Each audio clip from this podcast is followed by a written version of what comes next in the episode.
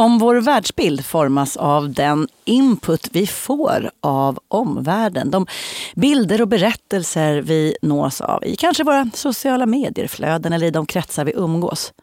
Hur farligt är det då att just de bilderna och det vi nås av kanske filtreras jättemycket? Nu ska ni få lyssna på en livepodd som vi, dumma människor, jag, Lina Thomsgård och psykolog och författare Björn Hedensjö, den har gjort i samarbete med Fotografiska i Stockholm och deras utställning Echo Chamber. Avsnittet spelades in en solig och fullsatt söndag i oktober och ni kommer snart få höra det absolut bästa från den här eftermiddagen i ett samtal om ekokammare, filterbubblor och om vår polariserade värld och lite om hur vi kan bli bättre på att våga kliva ur vår komfortzon och möta varandra. Men innan vi hoppar över till liveshowen, Björn, så kan vi väl bara ge lite kontext. Ja, precis. Vad är det här med filterbubblor och ekokammare?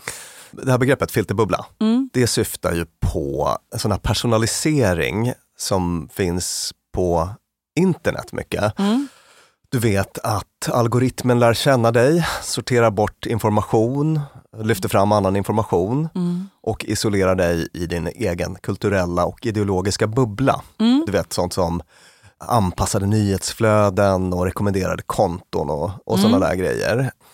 Och sen så ekokammare då, det andra centrala begreppet. Det handlar mm. om slutna digitala rum i första hand, där bara en grupps åsikter förekommer. Och det kommer vi ju också komma in på i den här liveshowen som ni snart ska höra, att det här ekokammarbeteendet även finns i fysiska rum. Ja, exakt. Och eh, du vet det här som man alltid svarar på, accepterar du eh, cookies? Mm. Den grejen. Man, ja. man, man, skulle bara vilja svara en gång. Ja, ja det, men ofta får man ja, den frågan. Jag, jag accepterar alla cookies från Ever. från och med nu och framåt. Men det det handlar om då, det är sådana här spårningscookies bland annat då, som, som läser av. Läser Vad är det för filur?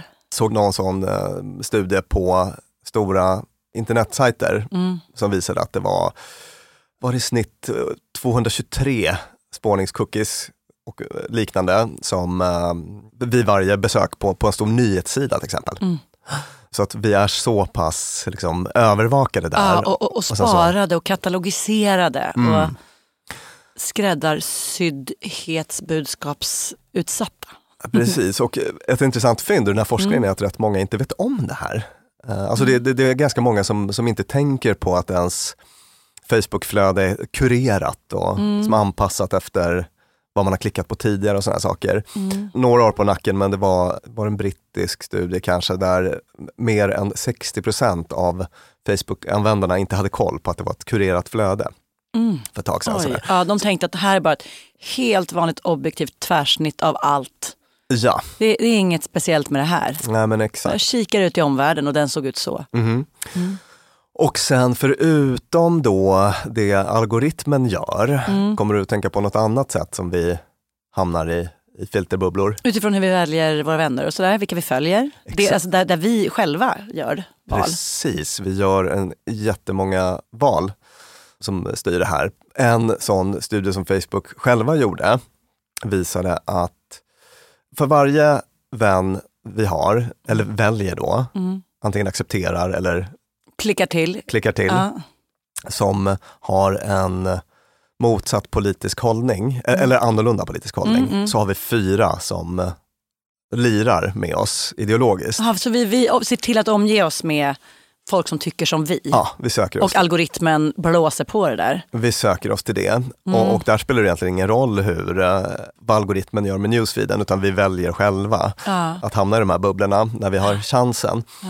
Det där tycker mm. jag är en grej som vi har, vi har gjort tidigare avsnitt om liksom hur sociala medier kan påverka ens självbild och kroppsuppfattning och så vidare. Där, där, där olika lite moderna studier visar på att det finns en ganska tydlig koppling till hur vi mår och vad vi ser på internet, det som blir vår världsbild. Ja. Och att det här aktiva valet, mm. att förstå att man har ett aktivt val och att det kan spela roll. Ja. Det vill säga, kanske ska man anstränga sig för att kika in lite mer på meningsmotståndare eller faktiskt bara pricka ur sånt där som får en att ja. rakt av må dåligt? Eller säger jag emot mig själv nu Björn? Nej, alltså, exakt. Alltså, det finns ju något sunt i det. I det här. Vi har ju pratat om att det vi ger uppmärksamhet blir vårt universum. Ja. Och vi har ju pratat om det ibland, att uh, så control your inputs Ja. som, ett, som ett sätt att uh, må bättre. Det vill säga plocka bort sånt som är väldigt triggande eller som du mår dåligt av och så. Ja, om, Eh. om jag bara, bara tittar på konton som säger att min bikinikropp ska ha jätte, jätte, jättelågt BMI och så känner jag mig dålig. Ja. Kan jag faktiskt sluta följa dem. Exakt, jag hade det under till exempel pandemin när det var väldigt eh, livlig debatt. Mm. Jag kände att jag behövde inte mer ilska i mitt liv där Ja, under en period. Så Mm. att jag mutade jättemånga konton med vänner, eh, en del ganska goda vänner som hade jättestarka åsikter om det här för att jag bara orkade inte med det just då. Och bara, gud vad lugnt och skönt det blev. Ah, Men då blir det på ett sätt att man skapar en uh, filterbubbla då. just det. En behaglig, mjuk värld där folk tycker som jag ungefär. Vi, vi släpper redan imorgon ett avsnitt om dränerande samtal, du och jag. Mm. Och där pratar vi också om det här med hur folk som klagar får att de mår så dåligt. Ja. De är jag ganska snabb på att klicka ur, vilket betyder att jag skapar en superglad filterbubbla där Ja. inga problem får finnas. Det är inte heller helt verklighetsförankrat. Nej, men delvis sunt under rätt omständigheter eller om man har goda skäl att göra det. Men det kan också vara att man bara isolerar sig kulturellt och ideologiskt. Och det är ju också det som är det stora problemet här och, och kanske lite temat också i eh, den här utställningen. Precis. Eller det kopplar till det i alla fall. Mm, den här polariserade världen och hur den liksom hänger ihop med både algoritmer men även våra mänskliga grundläggande mekanismer som får oss att liksom sluta oss i bubblor av likasinnade och se till att vi får våra egna världsbilder bekräftade hela tiden. Precis det fördjupar vi oss i i den här livepodden. Filter bubble, filter bubble. Filter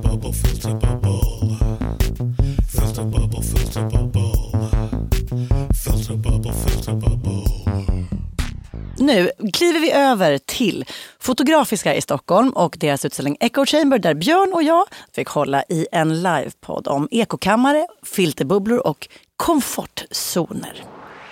Vi lever i en otroligt polariserad tid. Man slår på nyheterna, man öppnar tidningen och jag tror aldrig att jag har levt i en tid där vi har varit så omgivna av och inblandade i sådana svåra och ibland det som känns som totalt olösliga konflikter. Hur fan ska det här gå? Det kommer att gå, är vårt budskap.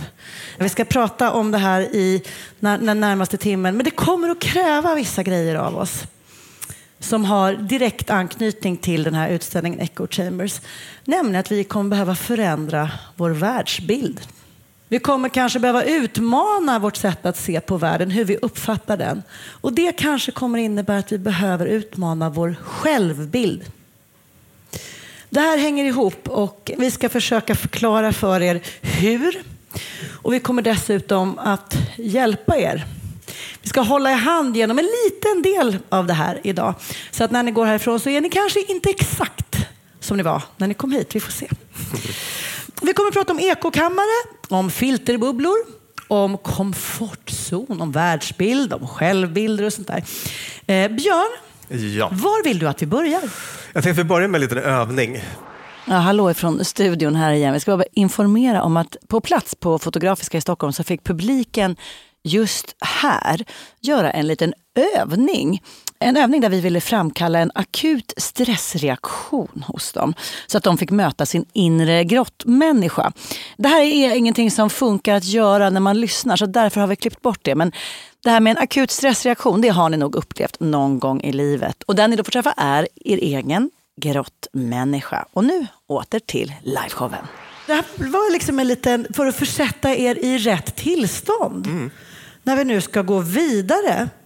Och då kan vi tänka, då vänder vi oss igen till den här utställningen som ju handlar om ekokammare och filterbubblor som är fantastiskt fint illustrerat i de här Erik Johanssons foton. Men det är det också, ni såg att det är dessutom så här återuppbyggt själva scenografin, alltså hur man gjorde fotot. Vilket jag tyckte var jätteintressant. De här begreppen Björn, ekokammare och filterbubblor. Vill, ska vi börja där? Ja, ska vi ta en i taget eller? Ja. Ja, men filterbubblor då, begrepp som eh, myntades 2011 av en Eli Pariser. Han skrev en bok som hette just det. Och det handlar om de här uh, ideologiska eller kulturella bubblorna som vi skapar, framförallt alltså ute på internet, som algoritmen skapar åt oss till stor del. Då. Till exempel, vad händer dig, alltså vad får du för kontoförslag på Instagram till exempel? Ja, det är roligt. Varje höst så vill jag klippa lugg.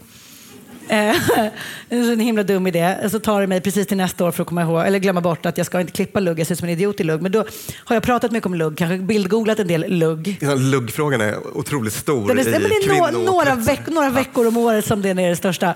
Så hade jag haft min telefon nu så hade jag kunnat hålla upp den där. Om man går in på ens Instagramkonto och sen trycker på förstoringsglaset som bara så här, här får du kika ut i alla möjliga konton över hela världen. Så är det så här, lugg, lugg, lugg, lugg, lugg, lugg, lugg. Luggar från alla delar av världen, men det är bara luggar överallt. Det, är min, det är min lilla filterbubbla. Jag är inne i luggens filterbubbla just nu.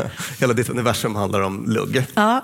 Och det är också så att sådana här newsfeeds av olika slag anpassas efter vad man klickar på och så vidare. Så att ens värld blir då allt trängre och trängre. Så det är det här konceptet filterbubblor då. Och så hade vi ekokammare. Ja. Det handlar mer om eh, slutna grupper, alltså ett, ett stängt litet universum. Ett exempel på det kan vara en sån här, olika forum eller grupper eller så, uh, som är väldigt liksom, enögda. Eller, Du, när, eh, jag tror att den, eller var åtminstone för några år sedan störst på Facebook, den här Vi som gillar godisdödskallar. Typ halv miljon som följde den, vill jag Ja. minnas.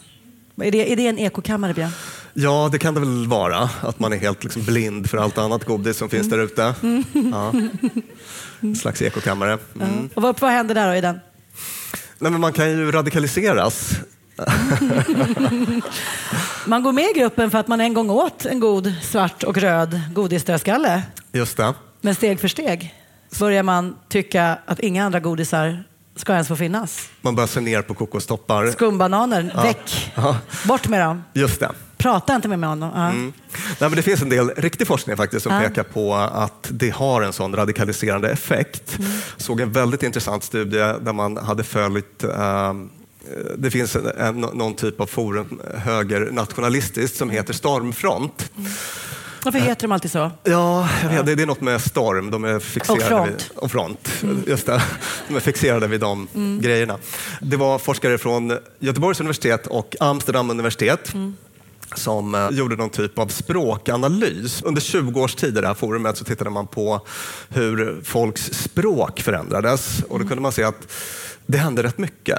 Alltså språket radikaliseras och det kan gå ganska fort också. Så att det blev rasistiska uttryck som snabbt blev grövre och grövre och grövre. Och mer normala och normala och normala. Ja, normaliseras och också att man liksom går in i någon typ av... eh, Alltså man börjar prata likadant som alla andra. Som konformitet på psykologspråk. Då. Och dessutom, det tyckte jag var så intressant, att man kunde se att det skedde någon typ av eh, jag-upplösning. Alltså, folk slutade använda ordet jag och började prata, säga vi istället. Våra istället för mitt och sådär. Så att man på något vis avindividualiseras i det här sammanhanget. Och så blir man allt mer radikal. Det låter inte så smart om man nu vill att eh, godisdödskallarna ska vara det enda godiset. Att inte hålla sig informerad om att skumbananerna gör, liksom, har en jävla drive på gång i kioskerna. Ja. Att man liksom, att bara gräva in dålig information. Ja, det blir dålig information. Ja. Man får dåligt beslutsunderlag. Det är ju ett annat jättestort problem med det här. Då. Jag brukar ibland tänka att jag är, kan vara lite avis på de här äh, klimatförnekarna.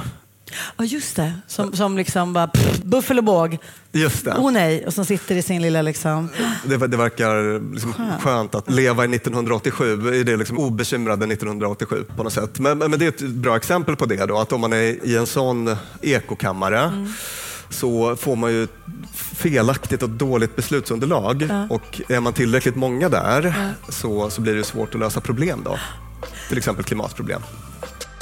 It is infuriating to have people in the United States denying science, the same country that sent people to the moon for crying out loud. Men jag tänker också att de där grupperna är lite bra. Alltså jag hittade någon sån Reddit-tråd om lugg. Vilken lugg ska jag ha? Skrev någon tjej 2019 från Arizona och så började folk tycka till och la upp bilder. Och så. Det var så himla mysigt. Jag har en, ett golvkonto på Instagram. Jag älskar golv. Så jag har startat ett golvkonto för en massa år sedan som heter Flårtanten. Hur smart? Och det följer ju såklart bara folk som också älskar golv. Och så sitter vi där och bara delar fina bilder på golv när vi är ute på semestrar och så taggar in flårtanten. Det är ju dömysigt. Där vill inte jag att någon ska komma in och bara säga, har ni glömt mattor? Har ni... Det är ingen här som tänker på tak. Alltså det, man vill ju vara i sitt lilla gäng. Just det, Nej, men det är ju underbart såklart och, och inget problem egentligen när det handlar om något så oskyldigt som golv. Så att, väldigt mysigt med den sortens eh, gemenskaper. Jag hittade faktiskt också en kul studie på hur den här personaliseringen, som det ju är på internet, att när man håller på att personanpassa på olika sätt. Luggig golvtjej. Just det. Ett område där det här faktiskt leder till en vad ska man säga, ökad gemenskap. Kan du, har du får någon idé om vad det skulle kunna handla om? Vet du vad, det får jag faktiskt. För att jag jobbade på MySpace. Ja. Några här kanske kommer ihåg MySpace. I tidernas begynnelse när folk la ut sin musik där. Ja. Och där var det ju så häftigt att man gick ut och så plötsligt fick man höra en låt som man inte visste om man skulle tycka om, men man gillade den. Och sen kom det en annan låt, så fick man tips om något tredje. Är jag på rätt ställe? Det är det faktiskt. Jag såg en Ja. sån studie, Wharton-universitetet, som de hade kikat på just uh, musikrekommendationer. Mm. Det de flesta känner igen det ifrån är ju kanske Spotify till exempel, Ja, ja. där man, liksom, nya artister för dig, liksom, listor för dig. Och, och så. Och de rekommendationerna verkar ha gett mer homogen musiksmak i, i befolkningen i stort. Men, men så för mig som individ, jag säger att jag älskar Scatman John. Vilken, vilken fräsch referens. Ja, aktuell. Mm. Jag älskar Scatman John Ja. Mm. och lyssnar mycket på honom. Istället då för att jag bara får mer och mer av Scatman John så skickar de in lite så här, "Åh, eller kanske det här. Scatwoman Gun. Scat, Catwoman Gun då till exempel. Just det. Att det Ja. liksom breddas. Man får, man får hjälp med den här att kliva ut ur sin lilla Ja, och så resonerade de här forskarna. att Om inte den här tjänsten hade funnits och du hade använt den så hade Ja. du aldrig hört talas om Scatman, Scatwoman Gun. Scatwoman för ingen Gun. hade berättat om henne Nej. för dig. Då. Nej, det, det är jag tacksam för att jag, om hon finns så kommer jag få veta Ja. att hon finns. Är det här något som är, för vi har pratat om det som liksom analogt och digitalt. Mm. Är det ett analogt och digitalt problem att vi tycker som de vi hänger med? Eller liksom, eh, förstår du frågan? Jag förstår frågan. Är det här någonting som liksom bara gäller nu? Ja. ja. Med internet och, Ja, och i så. internet, i internetboven. Ja, just det. Precis. Jag tror att man ska tänka på det så här att vi har... Grundproblemet finns i vår kognitiva källkod. i den här inre grottmänniskan. Men det är någonting med, med vår tid och ny teknik eller det teknologiska samhället och så som accelererar det här. Och jag tror att en sån delförklaring kan vara också att vi kanske ses lite mindre. Alltså det, det. det fysiska torget. Just det, där man kanske inte ser huruvida du gillar godisskalle eller mer formstorm. Eller, alltså, jag ser det inte, men, så därför kanske vi umgås ändå. Ja. Men översatt till det digitala så umgås jag bara med, med sådana som har liksom valt att vara i ingruppen. Ja, precis. Och, och- jag såg en sån amerikansk studie som visade intress- väldigt intressant att den grupp som var mest politiskt polariserad Ja. i, i USA då, det var folk som var 75 plus. Ja. Och det är också den grupp som använder internet minst. Okej. Eh, Så, så att sociala medier räcker inte enbart som förklaring till, till det här som sker.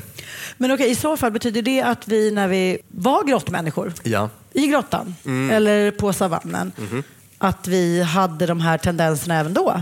Då hade vi ekokammare bara att det hette något annat. Verkligen, det tror jag. Alltså, vi har ju det här uh, tankefelet, det som Nobelpristagaren Daniel Kahneman beskriver som... Och honom pratar vi om, alla som lyssnar på vår podd, honom pratar vi om i, i stort sett varje avsnitt. Ja, ni har hört det namnet förut. Finaste Kahneman. Att vi har det här väldigt vanliga tankefelet, det vanligaste enligt honom då, som är bekräftelsebias. Att vi söker oss till sånt som bekräftar vår världsbild eller sånt vi redan tycker, tänker, känner. Vi väljer det spåret. Sådär. Och det var ingenting som kom med, med internet utan så funkade vi redan i grottan. Just säga. Då, och då var det kanske att man hängde med gänget som tyckte att det var coolt att jaga hjortar Ja. istället för de som tyckte att det var coolt att jaga mammutar. Eller så. Att Just det, och man, vi satt i grottan som bara bu för sabeltandade tigrar, de är sämst, de är Mm. sämst. Det var väl kanske smart.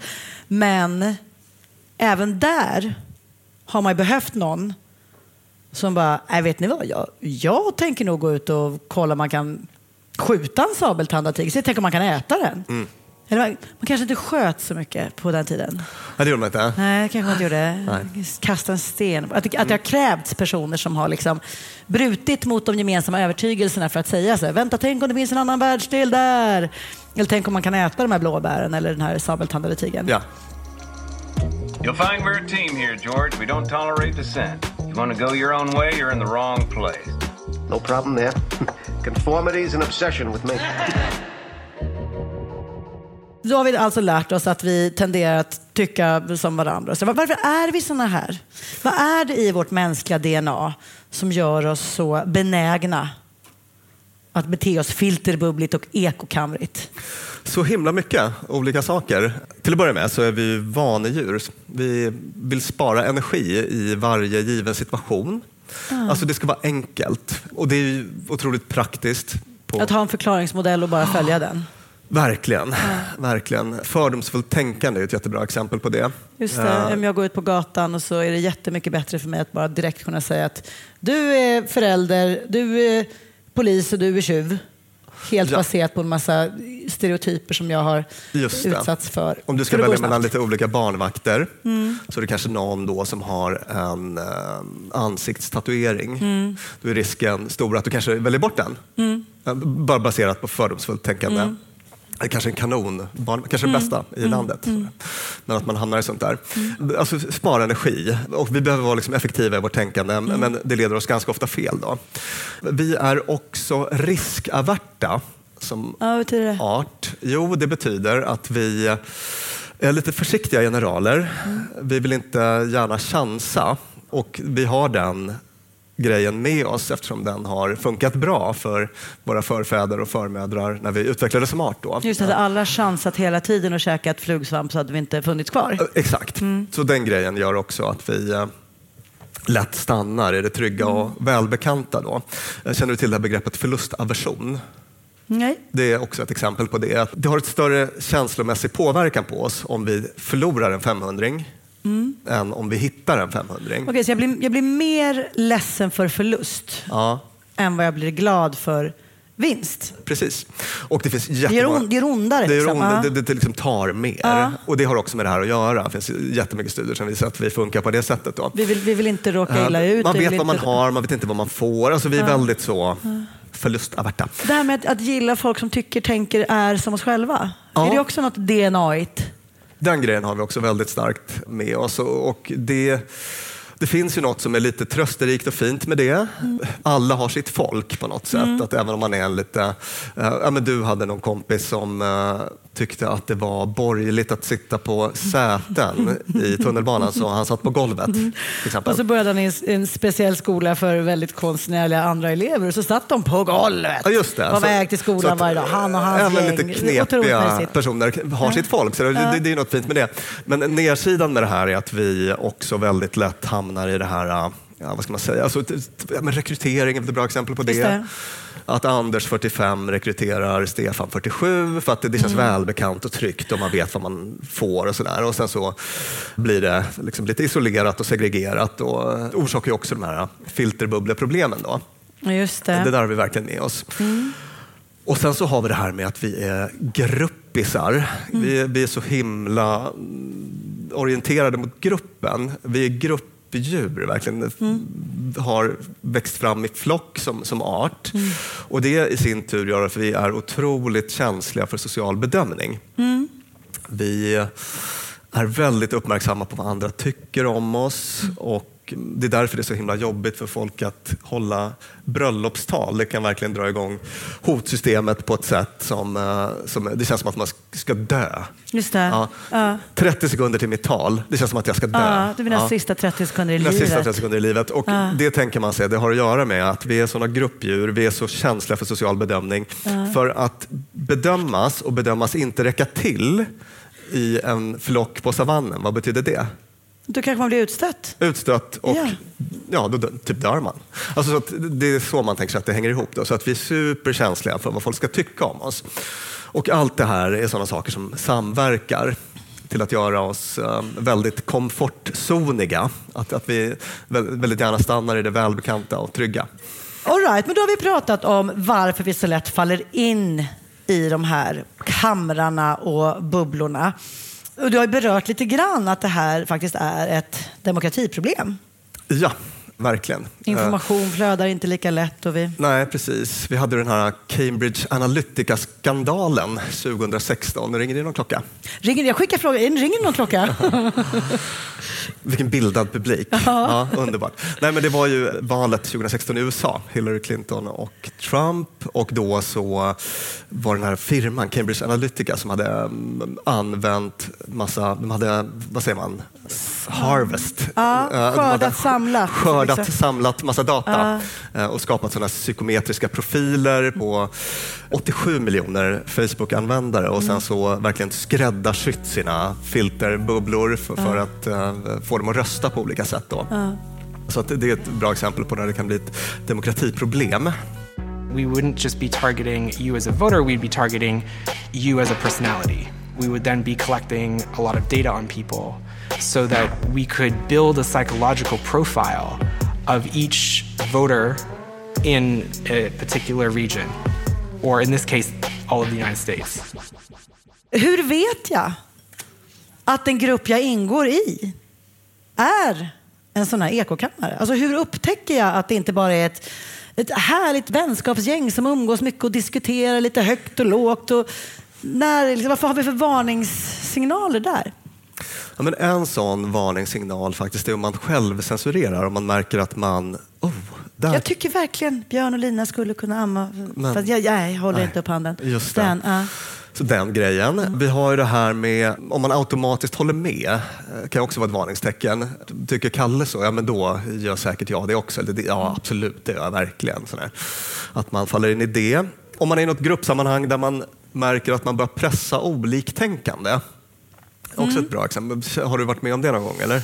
Faktiskt ganska många gånger. Jag, jag har tillhört väldigt många olika feministiska rörelser på olika sätt. Vilket har varit ljuvligt och gett mig allt. Men där har det också funnits olika falanger där idén om vad som är problemet har formulerats på lite olika sätt. Där det ibland har varit så här, kvinnor kan aldrig göra fel, till ibland att det är kvinnan själv som gör fel och bör ändra det och så vidare. Och där jag verkligen har stött på att när man är så här, fast, eller, eller skulle det kunna vara på något annat sätt att det har varit svårt att diskutera på ett liksom, eh, nyanserat sätt. Och då är det ändå kvinnor som rent kulturellt har skolats lite mer in i det sociala. Så jag vågar bara föreställa mig hur det kanske kan vara i Andrew Tate och grabbarnas läger. Ja, visst.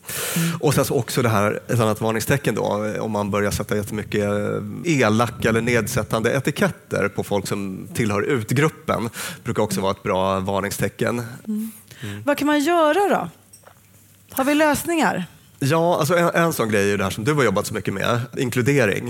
Eh, Vi pratade tidigare om hur mycket vi gillar likhet och det är ju helt häpnadsväckande den forskning som finns som visar att man till och med gillar när folk typ sitter likadant som en själv. Då får de ett litet plus. Eller jag tycker lite, lite mer om vänsterhänta än högerhänta. Har vi några vänsterhänta här inne?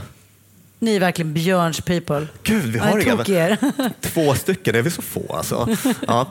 Nej, men sådana grejer, så helt irrationellt att man tenderar att gilla likhet. eh, Sådär. Så att vi hamnar ju otroligt lätt i det och om man ska bli vad heter motsatsen till enkelriktat? Alltså om, man, om man vill ha liksom ett pluralistiskt sammanhang på något sätt så behöver man aktivt jobba för det. För, för det automatiska är alltid att söka sig till det som är likt en själv. Just det, och då fastnar man lätt i de här stereotypa, alltså det som, här, hur, hur ser personen ut? Hur gammal, hur gammal ser den ut att vara? Vad är det för kön? Vad ser det ut att vara för bakgrund? Var handlar sina kläder? Ja. När man istället, och då kanske man väljer bort någon, det här säger sig själv, men väljer bort någon som är, lyssnar på exakt samma musik som en själv, som går på exakt samma utställningar eller som är precis som, exakt samma humor, bara för att den att inte söka- såg ut på mitt sätt. Precis, poängen är att, att söka olikhet är en aktiv handling. Alltså det kräver verkligen att man eh, använder musklerna. Sådär, för att eh, om man bara åker med så kommer det inte bli så. Och så, eh, en annan grej som jag tycker om är i alla möjliga gruppsammanhang att om man kan organisera ett liksom, team eller projektarbete eller grupparbete i skolan eller så. På så sätt att man har en djävulens advokat så brukar det vara en kanongrej. Just så, man, man säger liksom att du, nu i det här gänget så är det du som ska vara den. Det är din roll. Mm. Du kanske egentligen tycker precis som alla andra, men din roll här nu är att vara den som bara, app, app, app. Är det verkligen så? Sen kan man låta den rollen rotera lite grann så att Ja. man inte får en sån här uh, certifierad gnällspik. Ja, just det. Just det. Vi, vi införde, när jag, när jag var museichef så införde vi det fast att vi liksom i alla idé... När vi jobbade med olika projekt så hade vi liksom prata positivt, satsa, satsa, allt sånt där. Sen så hade vi en runda där vi bara, okej, nu lägger vi lägger fisken på bordet. Jag vet inte fan var det uttrycket kom ifrån. Men att alla skulle lägga fram, så om, om vi liksom något som luktar illa, något som, om vi, alla måste anstränga sig för att hitta någonting som så här, kommer vi verkligen kunna hålla den här tidplanen? Och, tänk om ingen vill komma och se oss när vi livepoddar fotografiskt. Att man liksom hade det, det var en teknisk lösning istället för att förlita sig på att det skulle komma inifrån individen. Ja. Och det var också väldigt bra för att få de här på plats och sen gemensamt försöka lösa de här invändningarna. Ett litet tips till faktiskt också. Det, det är att, så här, att man kan ge sådana processer lite tid. För vad händer när vi är stressade?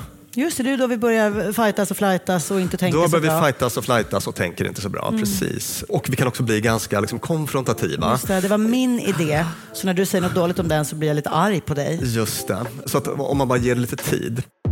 Get coffee with a random stranger. Introduce yourself to someone you've always wanted to talk to. Embrace awkwardness and discomfort. And overcome your immediate reaction for hate and anger. It's time to pop your filter bubble. Sen så har vi också det här med, att- med att lyssna icke-dömande. Just det. Det här är något, kanske för oss som både i fysisk form men även digitalt stöter på meningsmotståndare. Och så tänker man så nu kommer en dåre här och säger att jorden är platt. Förlåt alla här inne som tror att jorden är platt. Jag tror inte det. Jag respekterar er åsikt. Men, men säg att vi möter på någon på internet som tycker det. Och vi behöver vinna över dem. Hur fan ska vi göra det? Alla här inne har stött på det någon gång. Man har suttit på någon släktmiddag med någon som har påstått något som är käpprätt åt och så vet man inte riktigt hur man ska göra. Och det man brukar göra är att ha otroligt många argument. Jag har alla argument på plats och innan du ens hinner börja prata om hur platt jorden är så ska jag bara berätta för dig exakt hur fel du har. Hur känner man sig då?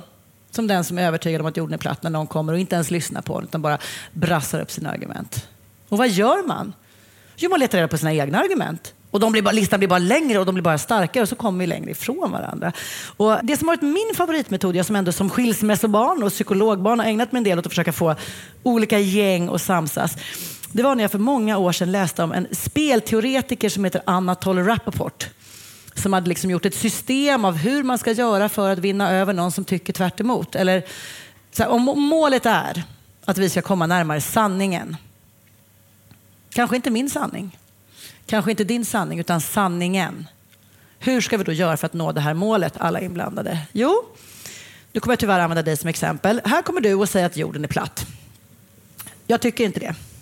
Jag skulle kunna rada upp mina argument, men istället så lyssnar jag på dig när du kommer med alla dina argument. Det är steg ett. Steg två är att återberätta för dig det jag hörde dig säga på ett sätt som är respektfullt. Alltså på ett sätt som är så fint och så bra och så smart så att du känner så här, wow, det där är verkligen hur jag hade velat formulera det. Det här är jätte, jättesvårt. För folk kommer att påstå väldigt konstiga saker. Men man behöver återberätta och säga så här, okej, så det jag hör dig säga är att jordklotet inte är ett klot, utan det är faktiskt det är platt. Och det är du inte ensam om att tycka. Det är ni många som tycker. Steg tre, berätta vad man håller med om. Och jag fattar verkligen det, för när jag tittar rakt ut så här ser det inte speciellt runt ut. Det ser verkligen ut som att det tar slut. Då har du helt rätt i, det tycker jag verkligen. Plus att det känns skitkonstigt att vi skulle leva på en rund jordklot som vem som helst kan ramla av. Det är ver- verkligen, det håller jag med om. Först då kan det gå till steg fyra som är, men jag tror ändå, jag tänker att jordklotet ändå, det heter klot av en anledning och så vidare så kan jag komma med mina argument. Jag kan aldrig gå direkt på fyra. För det jag behöver göra först är att skapa en lyssnare. Någon som vill höra mina argument. Och för att han ska vilja höra mina argument så måste jag vara villig att höra hans. Det här tar lite tid, men det har lett till några av de absolut viktigaste och bästa samtalen jag haft i mitt liv. om de mest grundläggande världsåskådningsfrågorna jag har haft. Alltså, de gångerna man orkar ta sig den tiden, orkar sätta sig och lyssna och faktiskt... Jag har fått vet, sån här, på Twitter sån här som heter, liksom, som heter, bilden är ett ägg, det heter inte Twitter längre ens, det heter X.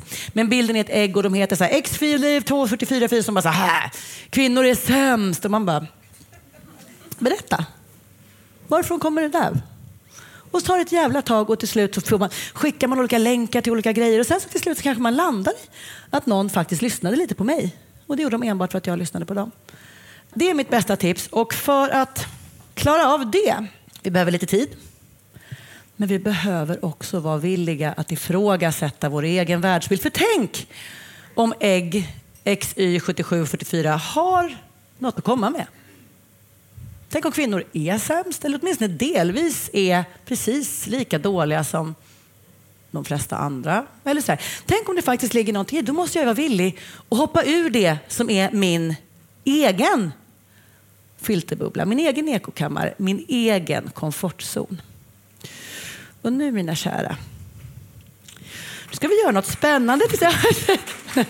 Nu ska vi göra något spännande tillsammans. Nu ska vi göra det som Björn ägnar sig åt i vad heter det, kliniken Mm. varje dag med dina patienter. Stackarna. Ja, de stackarna. När de, när de kommer till dig med en massa bekymmer och elände, dumheter som görs och de behöver förändra sig. Vad är det du tvingar dem att göra då? Jag tvingar dem att utöka sin beteenderepertoar. Oh. Vad betyder det? Jo, det betyder att eh, göra nytt. Jag har en sån elak terapeutfråga som jag brukar ställa. Om jag märker att det finns ett liksom, motstånd mot förändring. Alltså, klienten har kommit till mig av en anledning. Men så, så börjar man så här, ja okej, men, men man märker att den inte riktigt vill ändå liksom ändra någonting. Ja, just det. Då brukar jag säga så här, men du, vad har du gjort hittills och hur har det funkat för dig? Ja, just det. Och så får de fundera lite på det och då, det brukar vara ett bra sätt att öppna på. Är det då så här, jag vill ha en pojk men jag, men jag får ingen pojkvän. Vad har du gjort hittills? Suttit och väntat på att det ska komma en pojkvän? Ja. Har du ringt någon? Nej. Ja. Har du bjudit ut någon? Nej. Har det gått bra? Nej. Ja. Mm. Och sen kan man börja jobba. Så att det, det handlar egentligen om att liksom, gå ut i världen och testa nya beteenden kan man ju säga. För några av de problem som uppstår i våra liv när vi håller oss i våra trygga komfortzoner är till exempel att vi undviker att utsätta oss för risker. Och det kan vara att man undviker att söka ett jobb för att man tänker att man inte kommer få det. Man bjuder inte ut någon som vill bjuda ut för man tänker att den vill inte. Man testar inte zumba för man tänker att man skulle se jättelöjlig ut. Är det någon som har testat zumba? Man ser jättelöjlig ut när man ägnar sig åt zumba. Det krävdes ett stort steg ut ur min komfortzon för att testa det. Det kan vara att man inte går på den där festen för att man har bestämt sig för att jag är inte en festperson. Eller att man går på den där festen och den där festen och den där festen för att man har bestämt sig för att man är en festperson. Den här självbilden som ligger till grund för vår världsbild. Vi behöver laborera med den och utöka vår beteenderepertoar. Och att göra det, Björn, när du har dina klienter och du säger åt någon som är till exempel har jätterädd för basiller att göra något som är basilligt. Är det kul? Nej, det är inte det. Är det lätt för dem? Nej. Är det bra? Ja, det, det är det oftast. Varför är det inte kul? Varför är det svårt?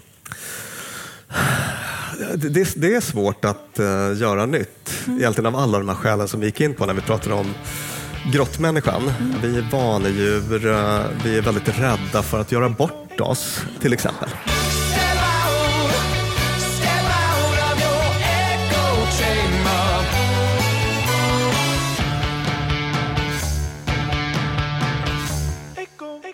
Vad gör vi åt den här polariserade världen vi lever i? Där konflikterna bara blir fler och fler. Och ingen jävel förstår just mig. Jo, vi behöver börja anstränga oss för att förstå andra. Kanske ta några extra kliv för att träffa folk som tycker annorlunda än oss själva. När vi vågar ta de här sociala riskerna, det är då man vågar träffa nya människor. Att man i köttet vågar utsätta sig själv. Att man vågar lyssna på andra, vågar stå för sin egen åsikt. Och det är liksom början på att komma närmare ett gemensamt mål och en sanning. För det här handlar inte om att bevisa för alla andra att man själv har rätt. att det var min världsbild som var den sanna. Det handlar om att våga utsätta sig för att någon annans världsbild kanske också kan stämma.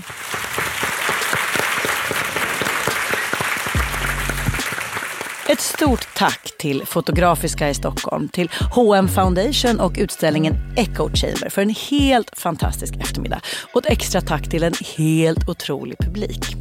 Och om du också har velat kliva in i en av Erik Johanssons surrealistiska bildvärldar så kan du göra det i den här utställningen. Det är en scenografisk utställning där liksom det som bilden föreställer liksom är uppbyggt i rummet. Det gör att besökarna själva blir som en del av verken. Och I den här utställningen så tolkar Erik Johansson vår uppfattning av omvärlden och utforskar fenomen som filterbubblor och ekokammare och vad som händer när vi vågar kliva ut från vår egen trygga sfär. Och utställningen pågår fram till 14 januari. Stort tack Björn även till dig. Tack till Peter Malmqvist som klipper vår podd och tack till Acast där vi spelar in. Hej då!